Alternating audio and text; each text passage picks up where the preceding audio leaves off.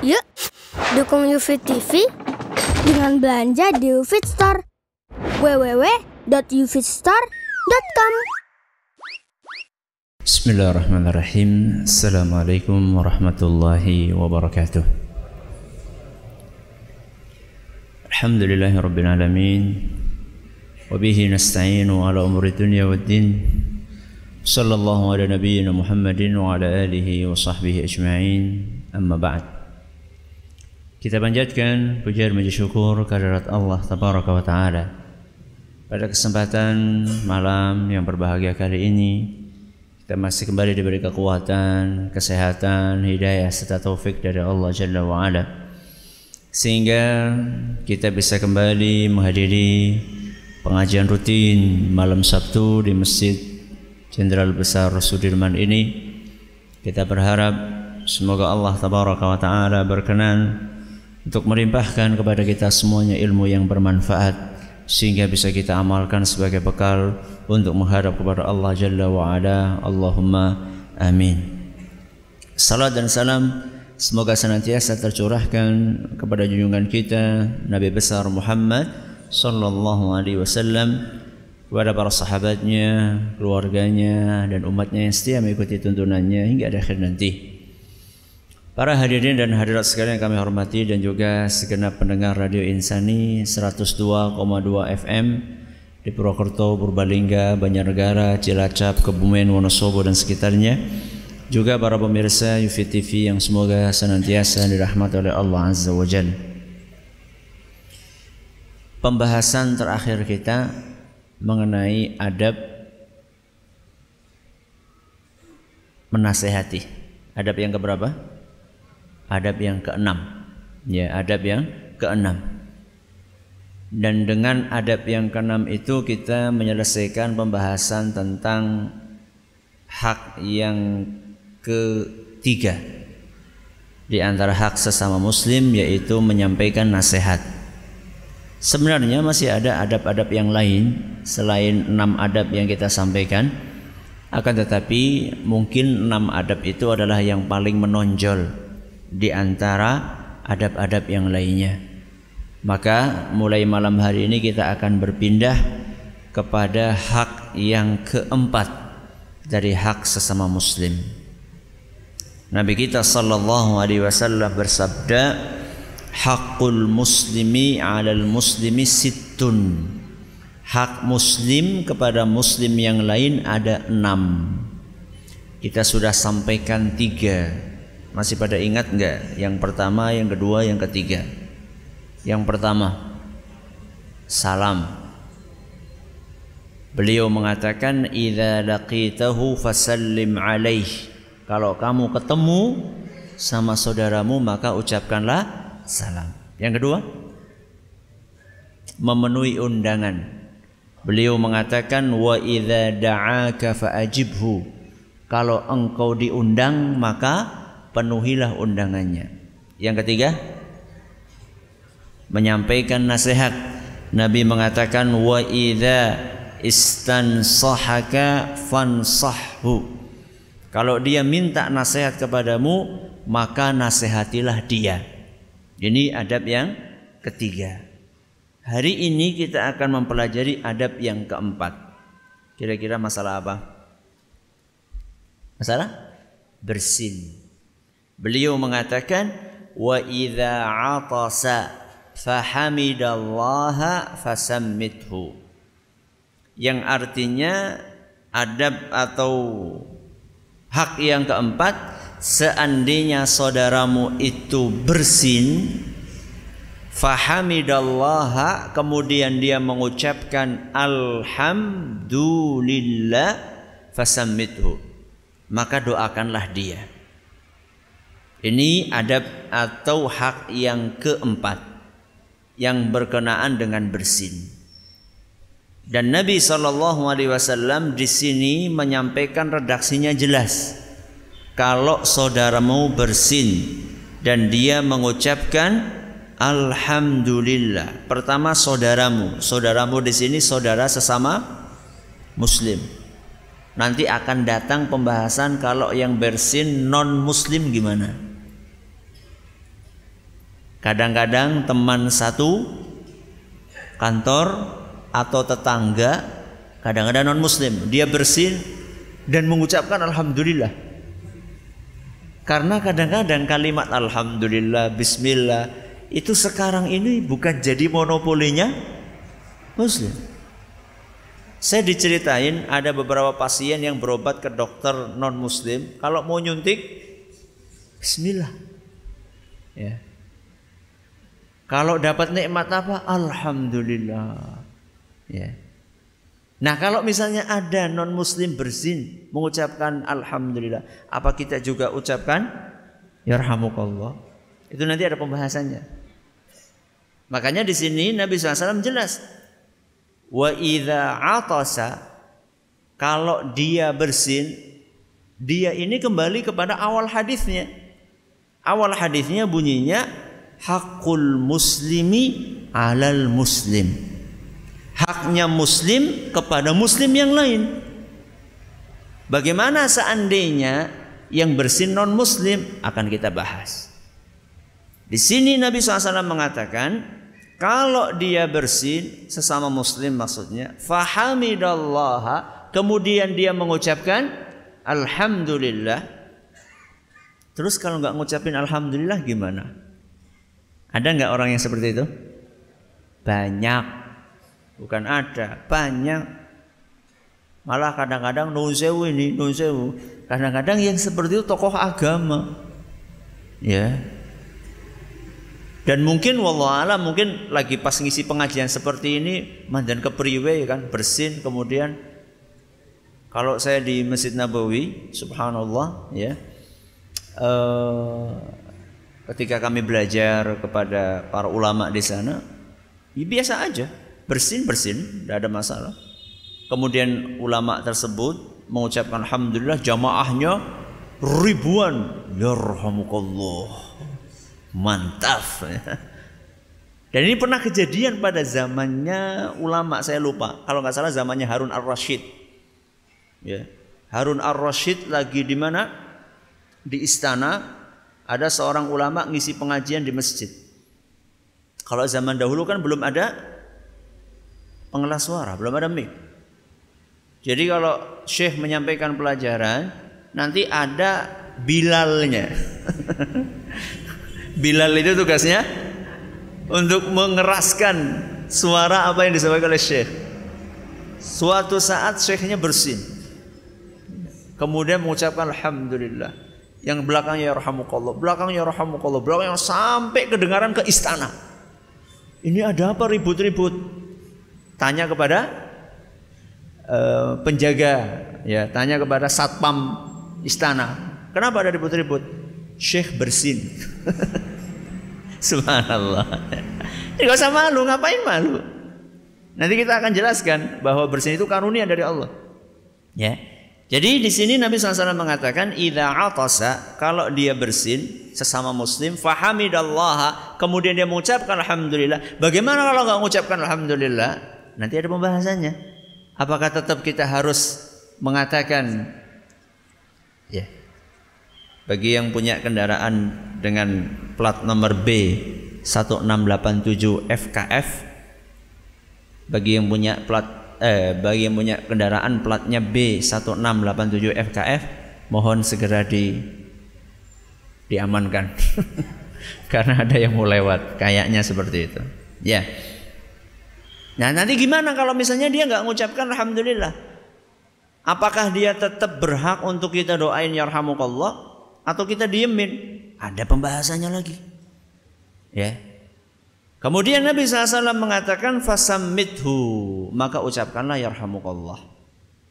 Dan nanti akan dilanjutkan bahwa setelah mengucapkan yarhamukallah maka si si bersin nah, si si pelaku bersin nanti disunnahkan lagi untuk mengucapkan yahdikumullahu wa yuslihu balakum. Ini penjelasan ringkas.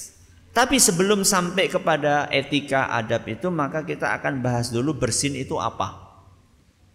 Makna dari bersin. Bersin adalah satu kondisi yang tidak bisa dilepaskan dari kehidupan manusia.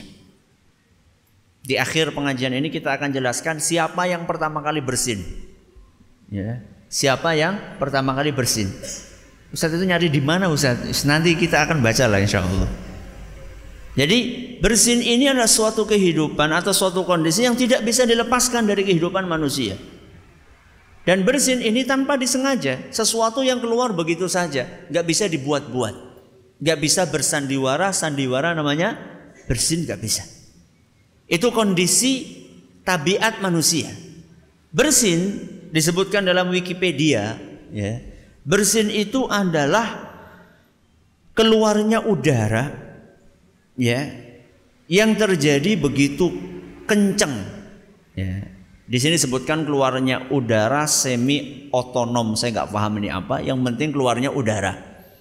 Dan memang udara itu keluar dengan sangat kencang sangat keras melalui dua lubang. Yang pertama mulut, yang kedua hidung. Dan kencengnya itu kata definisi ini mencapai kecepatannya sangat cepat saking kencengnya itu adalah 70 meter per detik. Saking apanya? Kencengnya. 70 meter per detik. Berarti per jamnya itu adalah 250 km per jam. Kencengnya apa tadi? Bersin. Ya Allah, jebule kenceng banget ya. Ya, nanti kita akan jelaskan apa efeknya kalau bersin itu ditahan. Ini definisi dari bersin. Jadi yang paling gampang ya definisi bersin ya coba jenengan bersin itulah definisinya. Jadi kadang-kadang kan bingung ya mengungkapkan satu udah coba ada yang bisa bersin dibikin. ya. Itulah definisi bersin kayak gitu. Keluarnya udara dari mulut, dari hidung dengan kecepatan yang luar biasa. Itulah namanya bersin. Nah bersin ini pemicunya apa? Ya karena ada respon. Ya.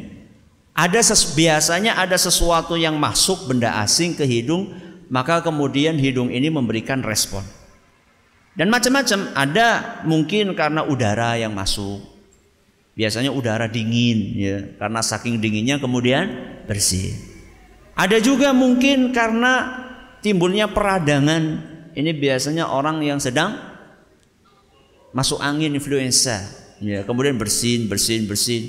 Dan nanti kita akan bahas kalau bersihnya lebih dari tiga, kalau bersihnya lebih dari tiga kali, apakah masih bolak-balik ya rahmukallah, ya rahmukallah, apa yang sepuluh kepriwe? Itu ada hadisnya dari Nabi SAW. Subhanallah. Luar biasa hadis Nabi SAW. Cuman kita ini belum baca hadisnya, makanya nggak paham.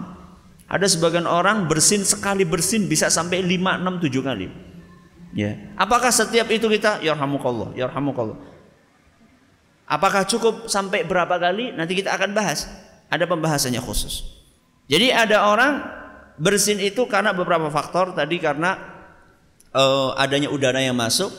Faktor yang kedua karena adanya benda asing yang masuk. Biasanya itu karena peradangan orang-orang yang sedang mengalami sakit flu. Dan yang ketiga, dan ini ajaib, ini dialami oleh sebagian orang saja ketika wajah itu kena cahaya yang sangat terang. Jadi ketika orang kena cahaya terang banget, ada orang yang responnya itu langsung bersin. Dan ini dialami menurut sebagian penelitian hanya oleh 18% atau 30% manusia. Jadi nggak semuanya orang. Ada orang sudah dikasih penerangan kayak gini nggak bersin-bersin. Ya memang umumnya enggak. Tapi ada sebagian orang begitu dapat uh, penerangan yang sangat terang, dia akan bersin. Dan ini bahaya kalau pilot.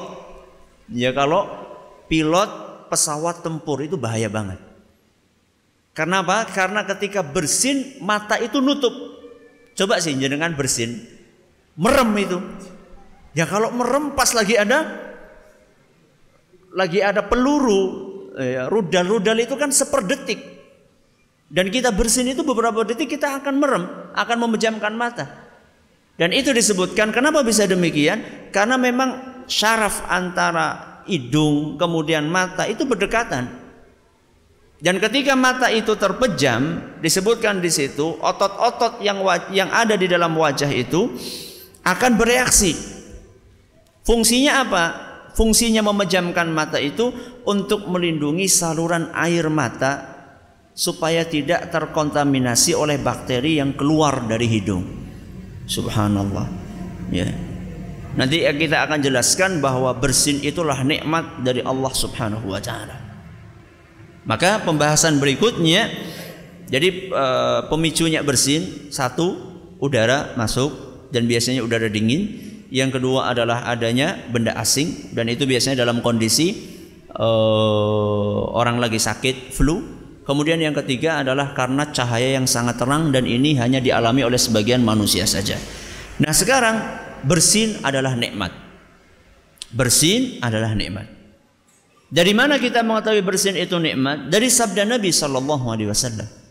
Dalam sebuah hadis yang diriwayatkan oleh Imam Bukhari Nabi kita SAW bersabda, Inna Allah yuhibbul utasa wa yakrahut tatha'ub.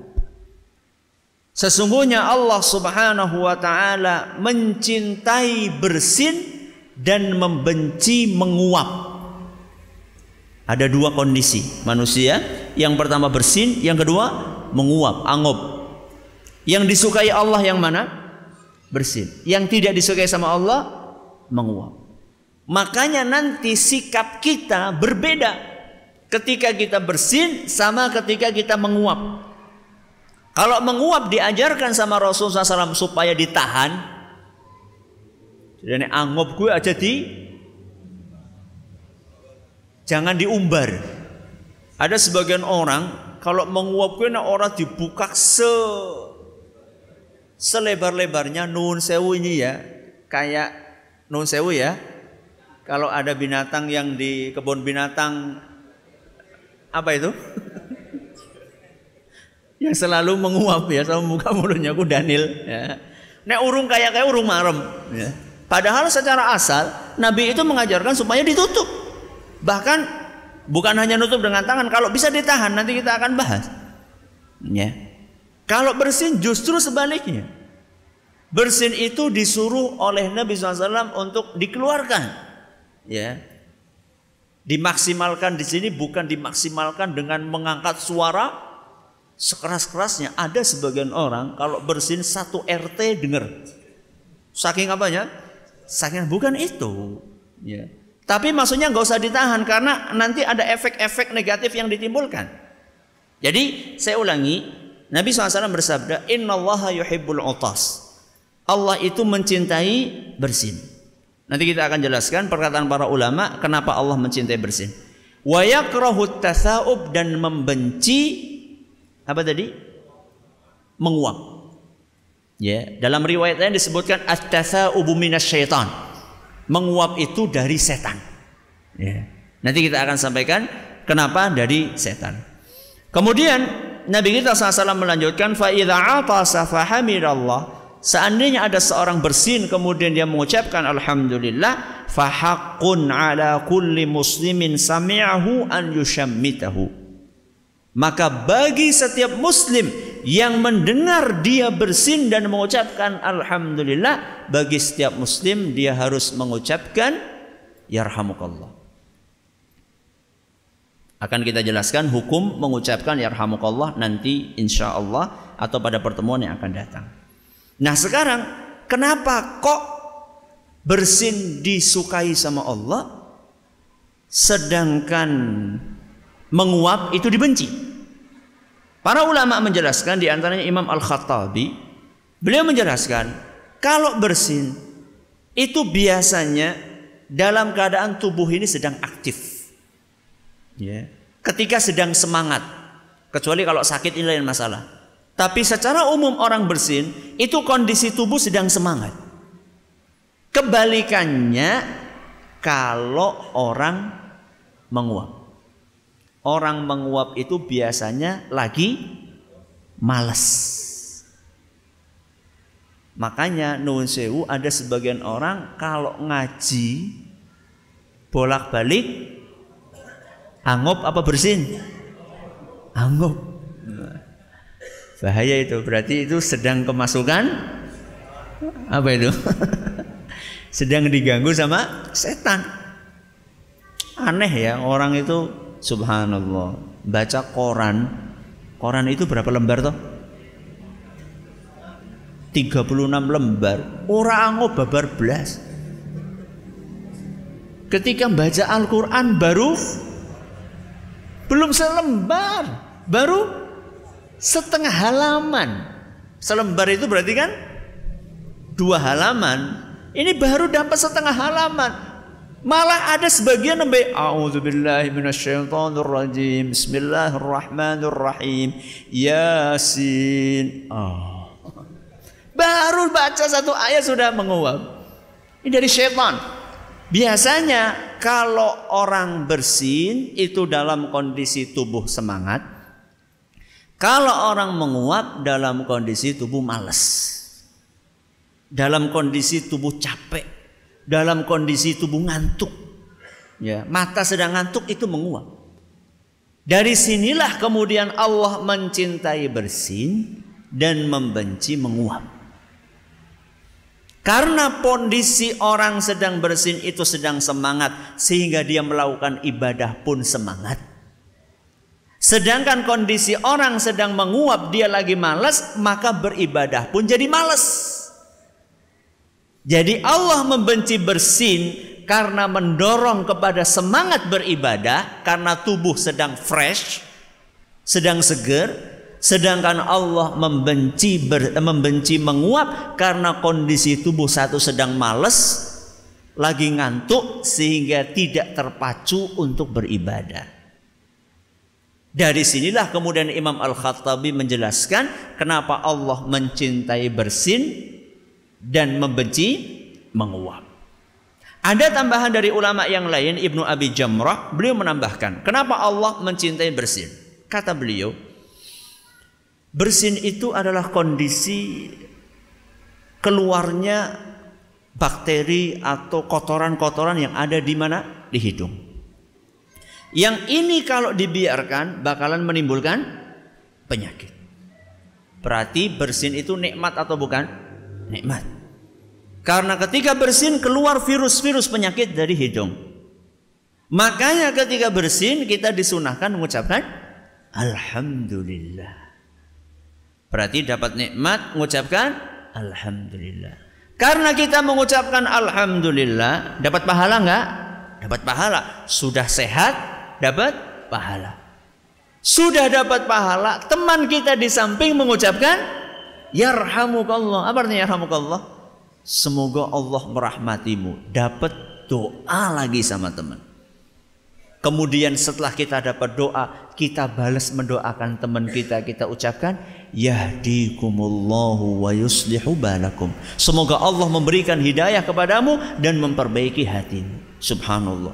Berapa amal soleh, berapa pahala yang kita dapatkan hanya dengan sekedar mengucap, hanya dengan sekedar bersih.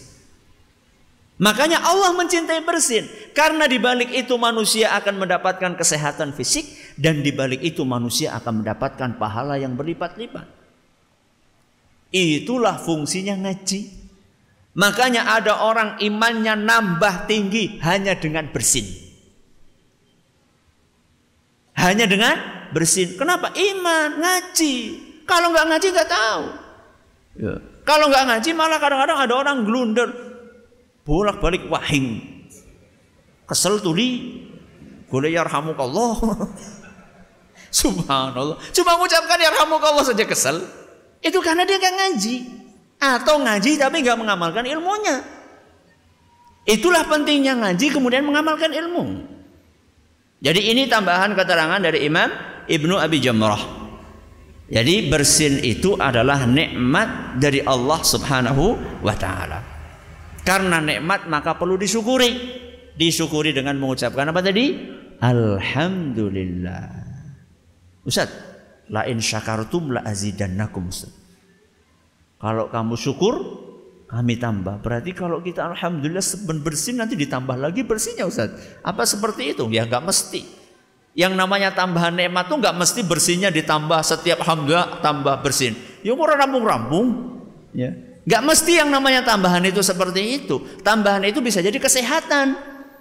Jadi ketika kita bersin, kita alhamdulillah sehat walafiat. Nanti besoknya lagi ketika perlu bersin, bersin lagi, sehat lagi. Ya. Ini adalah poin berikutnya bersin adalah nikmat. Nah sekarang uh, disebutkan di sini ada tambahan perbandingan antara bersin dengan menguap. Disebutkan oleh beberapa dokter bahwa menguap itu adalah kondisi di mana otak saat itu sedang membutuhkan oksigen dan nutrisi. Jadi orang menguap itu karena otaknya sedang kekurangan oksigen dan nutrisi. Karena asupan nafas dari hidung nggak cukup, entah karena satu dan lain akhirnya dia butuh tambahan, kemudian dia menguap dan menguap bedanya menguap sama bersin. Kalau bersin itu mengeluarkan udara, menguap itu memasukkan udara. Coba sih menguap.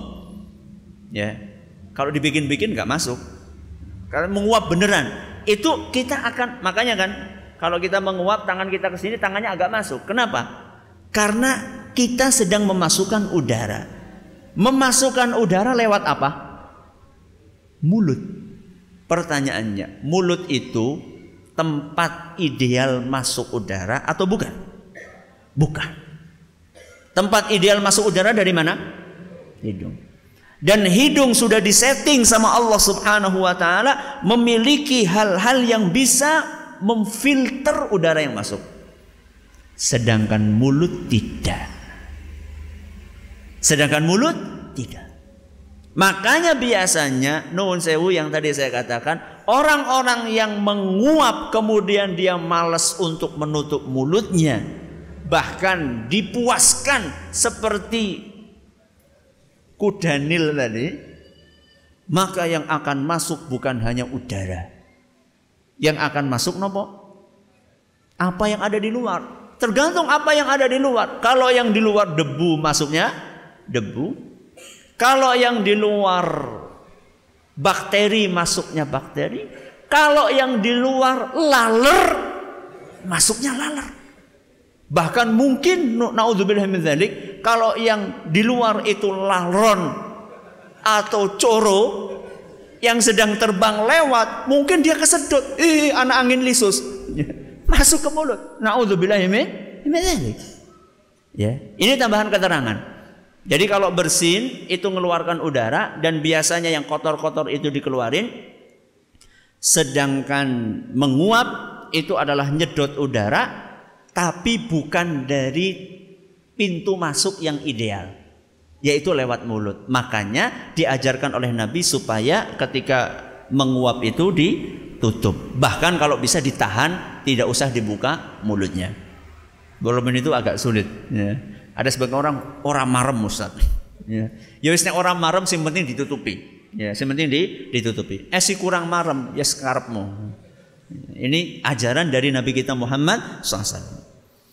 Berarti kesimpulannya bersin itu adalah adalah nikmat. Dari siapa? Dari Allah. Ah, sekarang bahayanya. Bahaya nahan bersin. Biasanya orang nahan bersin itu kalau lagi apa? Lagi meeting. Lagi meeting, kumpul resmi, rapat atau kalau lagi serius ngobrol Serius ngobrol contohnya ada ketemu sama calon mertua. Itu kan jaim ya. Menjaga apa? Menjaga image. Lah nek wahing ya keton kepriwe Jadi ketika ketemu sama mertua lagi ngobrol serius lagi lobby ya, lagi lobby supaya diterima lamarannya ya. Mau bersin, biasanya orang semua aduh gimana ini ditahan. Ada sebagian orang ditahan dengan dipecat-pecat hidungnya ya. Ternyata menurut beberapa penelitian itu berbahaya. Ya. Bahayanya kenapa? Karena kecepatan tadi itu. Berapa tadi kecepatannya? 250 km per jam. Ya bisa jenengan bayangkan lah, nggak usah kita bicara bersin. Mobil, motor lagi melaju kecepatan gak usah 250. Wong motornya jenengan kan nggak nyampe segitu kan? Motornya paling kan berapa? 120. Enggak, maksudnya yang ada di speedometer. Kalau naik paling kita 80 udah paling cepat. Coba kalau misalnya kita laju 80 km, ujuk-ujuk ngerem mendadak. Apa yang terjadi? Jungkel. Ya kira-kira seperti itulah. Gampangnya kita nggak usah pakai ilmiah yang tinggi-tinggi. Kita kasih contoh kayak gitu. Sama juga. Ketika orang mau bersin, dia kan kecepatannya kecepatan tinggi, 250 km per jam. Tahu-tahu di put, ditutupi. Apa yang terjadi? Kata seorang dokter, dokter Mi, Michelle Reisen, ya, disebutkan ada beberapa efek atau bahaya yang bisa ditimbulkan. Yang pertama, ini ngeri ini yang pertama. Semoga nggak terjadi.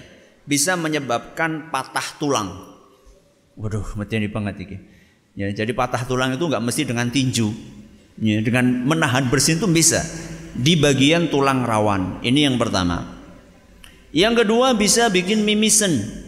Bisa bikin mimisen. Mimisen itu bukan monopolinya anak kecil. Orang dewasa pun juga bisa mimisen.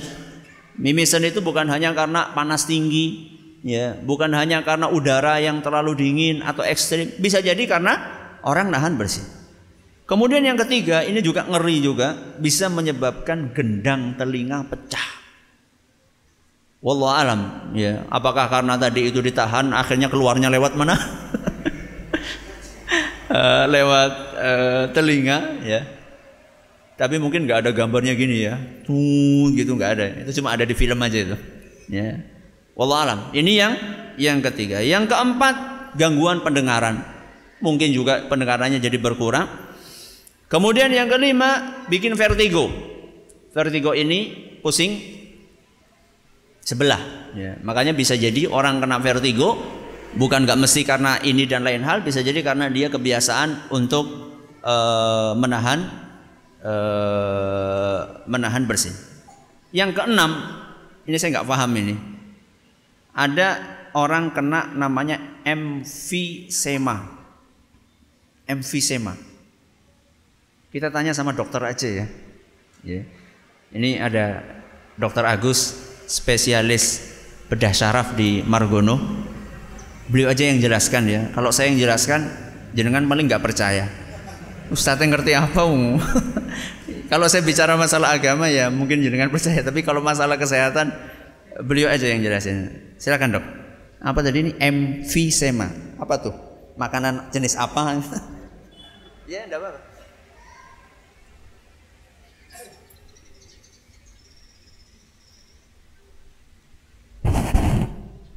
Bismillahirrahmanirrahim. Ini mohon maaf nih dadakan jadi saya tidak ada persiapan mungkin.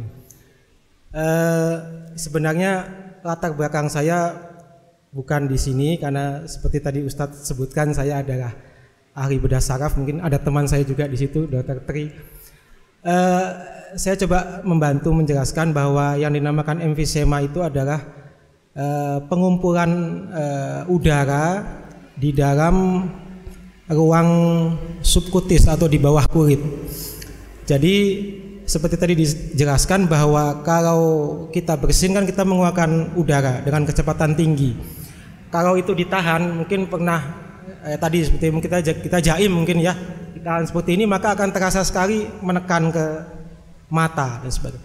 Nah ini kalau terjadi mungkin berulang-ulang itu mungkin udara di dalam paru-paru itu akan keluar. Jadi dia seperti balon itu kalau ditahan dia justru pecah. Harusnya dia dikeluarkan, ditahan dia akan pecah ke sekelilingnya.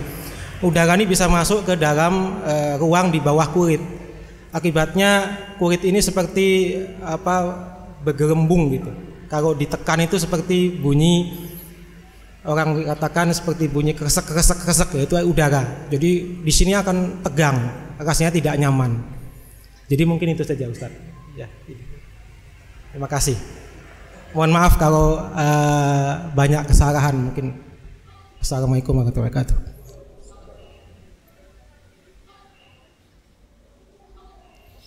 kalau ahlinya itu orang percaya. Ya. Walaupun saya ngomongnya mungkin sama, tapi belum tentu percaya. Tapi saya emang belum bisa ngomong kayak tadi. ya. Tadi nun sewu dok dadakan tadi memang. Tadi saya baru nyampaikan eh, sebelum maghrib tadi baru saya. Eh, maka ya mohon kalau ada kekurangannya di eh, dimaklumi. Allah, Allah kan dalam Al-Quran mengatakan fasalu ahla dzikri. Tanyalah kepada yang berilmu. Ya kalau masalah kedokteran jangan tanya sama ustadz, tanya sama dokter. Kalau masalah agama mungkin tanya sama ustadz. Jadi intinya eh, kalau nikmat ini ditahan bakalan menimbulkan banyak bahaya. Nah, yang terakhir sekarang pembahasan yang terakhir siapa yang pertama kali bersin? Siapa yang pertama kali bersin? Ustadz, Ustadz ini tahu dari mana? Ya saya belum pernah melakukan survei sebenarnya karena umur saya juga baru 36 tahun ya kelahiran tahun 80 saya nggak tahu kejadian sebelum itu akan tetapi Nabi kita Muhammad SAW menjelaskan hal itu jadi siapa yang bersin pertama kali dijelaskan sama Nabi kita Muhammad Sallallahu Alaihi Wasallam dalam sebuah hadis yang sahih yang diriwayatkan oleh Imam At-Tirmidzi dan hadis ini dinyatakan sahih oleh Imam Al-Hakim dan juga Imam Ad-Zahabi. Apa yang disampaikan oleh Nabi itu wahyu. Dari siapa? Dari Allah. Karena dalam Al-Quran Allah menegaskan, yantiqu anil hawa in huwa illa wahyu yuha. Allah itu, eh, Nabi kita SAW itu berbicara bukan berdasarkan hawa nafsu. In huwa illa wahyu yuha. Nabi itu berbicara berdasarkan wahyu dari Allah Subhanahu wa taala. Beliau pernah bersabda bahwa yang pertama kali bersin adalah manusia yang pertama kali di muka bumi. Siapa itu? Bapak kita Adam alaihissalam. Beliau SAW bersabda, Lama khalaqallahu Adama. Ketika Allah subhanahu wa ta'ala menciptakan Adam. Wa ruha. Kemudian Allah meniupkan ruh atau nyawa di tubuhnya Adam. Di dalam riwayat lain disebutkan dalam Ibnu Hibban, fabalaghar ruhu ra'sahu, nyawa itu sampai ke kepala atosa, Adam bersin. Jadi ketika masuk nyawa, rohnya ditiupkan sampai ke mana? Ke kepala, Adam bersin. Faqala Adam berkata, Alhamdulillah. Berarti ini bukan hanya sunnahnya Nabi kita Muhammad SAW, tapi sunnahnya siapa? Nabi Adam. Begitu bersin dia mengucapkan Alhamdulillah. Siapa yang ngajari Adam? Fahamidallah biiznihi. Yang ngajari siapa? Allah subhanahu wa ta'ala. Begitu Nabi Adam bersin dan mengucapkan Alhamdulillah. Faqala lahu rabbuhu. Allah subhanahu wa ta'ala berfirman. Yarhamukallah ya Adam. Subhanallah. Yang mengucapkan yarhamukallah siapa? Allah subhanahu wa ta'ala. Falidzalika sabaqat rahmatuhu ghadabahu. Oleh karena itu rahmat Allah lebih dulu dibandingkan kemurkaan Allah. Karena kalimat yang pertama kali diucapkan oleh Allah kepada manusia yang pertama kali adalah yarhamukallah. Semoga Allah merahmatinya. Wa fakana awwalu ma takallama bihi alhamdulillah. Sehingga ucapan yang pertama kali muncul dari mulutnya Adam alhamdulillah. Dan kalimat yang pertama kali didengar oleh Adam yarhamukallah. Subhanallah. Ini disebutkan dalam hadis riwayat Tirmidzi dan dinyatakan sahih oleh Imam Al-Hakim dan juga Imam Az-Zahabi. Jadi intinya siapakah siapakah yang pertama kali bersin? Jawabannya Nabi Adam alaihi salam. Dari mana sumbernya? Dari hadis yang diriwayatkan oleh Nabi kita Muhammad atau disampaikan oleh Nabi kita Muhammad SAW dan hadisnya dinyatakan sahih oleh Imam Al Hakim dan Al Zahabi sampai di sini pengajian kita. Pada kesempatan kali ini masih ada waktu sedikit. Kalau ada yang mau bertanya silahkan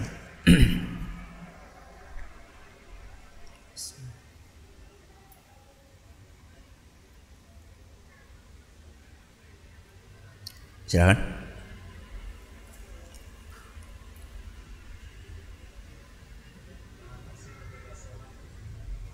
Bagaimana kalau bersin ketika sholat? Akan kita bahas. Akan kita bahas. Saya pernah nyampaikan kisahnya ya.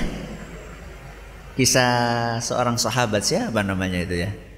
Muawiyah bin siapa bin bukan bin Abi Sufyan, Muawiyah bin Al Hakam kalau nggak salah. Yang bersin kemudian dalam sholat kemudian orang-orang ngapain lihat-lihat? Itu nanti akan kita bahas insya Allah ya. Hukumnya kemudian cara jawabnya apakah perlu mengucapkan alhamdulillah atau tidak. Pembahasan tentang ada bersin ternyata panjang banget ya. Ternyata panjang banget maka sabar aja. Ya kalau ngaji di sini ya yang sabar. Sing dawa ususe ya. Jadi nggak bisa pengajian sekali langsung selesai ya. Silakan ada yang lain? Ya monggo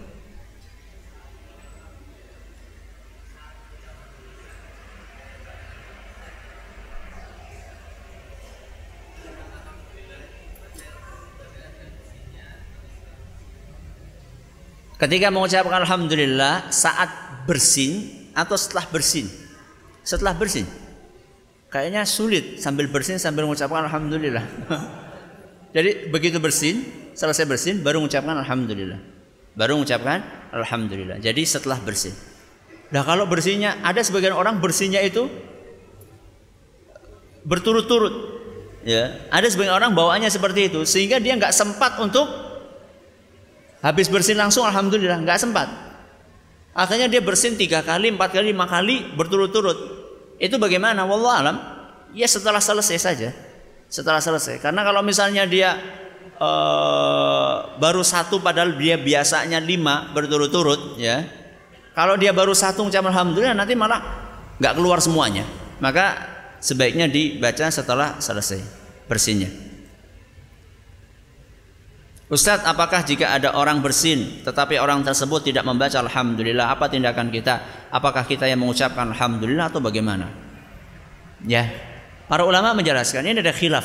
Ada khilaf di antara para ulama, insya Allah kita akan sampaikan nanti. Ada sebagian ulama mengatakan kita diemin. Kita diemin. Sebagai hukuman buat dia.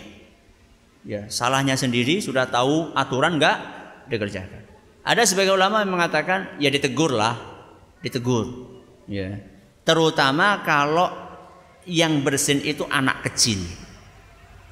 Atau muallaf. Atau muallaf. Atau orang yang nggak tahu hukum. Ya. Kalau orang nggak tahu ya dikasih tahu. Ya. Ada orang nggak tahu malah didiamkan tambah nggak tahu. Maka wallahu alam dilihat kondisinya. Apakah orang itu orang yang sudah tahu atau orang yang belum tahu kalau belum tahu ya dikasih tahu. Kalau anak kecil tidak apa-apa diajarin dia bersin dia diajarin apa? Ngomong alhamdulillah walaupun masih kecil. Allah bisa karena biasa. Allah bisa karena biasa. Kalau dibiasakan dari kecil nanti akan refleks. Begitu bersin ngomong alhamdulillah. Itu kalau dibiasakan. Tapi kalau nggak dibiasakan nanti tua Ya orang ucap alhamdulillah. Ustaz, kalau membaca alhamdulillahnya di dalam hati bagaimana?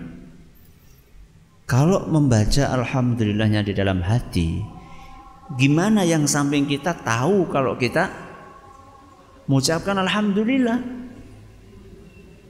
Karena alhamdulillah itu adalah sebagai sinyal buat teman kita yang di samping untuk mengucapkan yarhamukallah. Lah kalau kita baca alhamdulillah di dalam hati, gimana teman kita tahu kalau kita ngomong alhamdulillah? Bisa-bisa malah teman kita suudzon sama kita. Oh, kayak habis ngaji orang ngomong alhamdulillah, padahal lebih wingi pe ngaji. Atau bahkan mungkin habis isya nanti ada yang bersin, jadi orang ngomong alhamdulillah pada nyung terus alhamdulillah nang hati yang ngertinya kepriwe. Pertama, ini adalah amalan lisan. Zikir ini amalan lisan. Secara asal zikir amalan lisan yang harus diresapi dengan hati. Jadi fungsinya hati adalah meresapi apa yang diucapkan oleh lisan. Ya. Makanya baca Al-Quran, kemudian zikir kayak gini, kemudian bacaan sholat itu tidak boleh atau tidak dianjurkan untuk batin. Ya, batin itu ya membaca dengan hati. Karena itu amalan li lisan. Kecuali niat, niat itu adalah amalan hati. Ya, ada yang lain? Ya, monggo.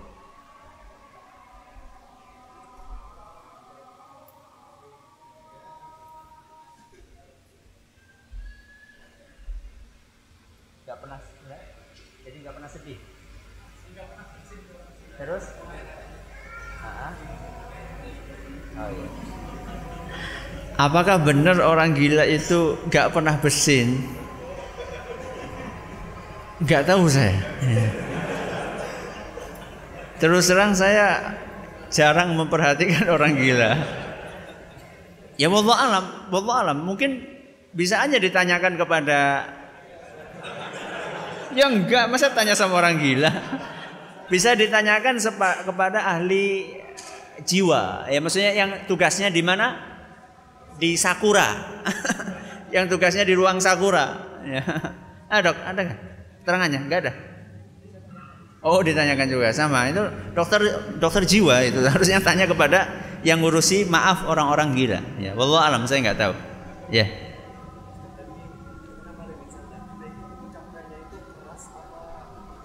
Ya. Apakah kita karena tadi alhamdulillah amalan lisan zikir, apakah mengucapkannya keras? Melihat sikon. Melihat apa? Sikon. Misalnya kalau lagi kayak gini pengajian gitu. Lagi pengajian. Misalnya orangnya di belakang sana. Ya, lagi ngaji tahu-tahu bersin alhamdulillah, ya itu enggak etis. Ya, enggak enggak etis. Ya.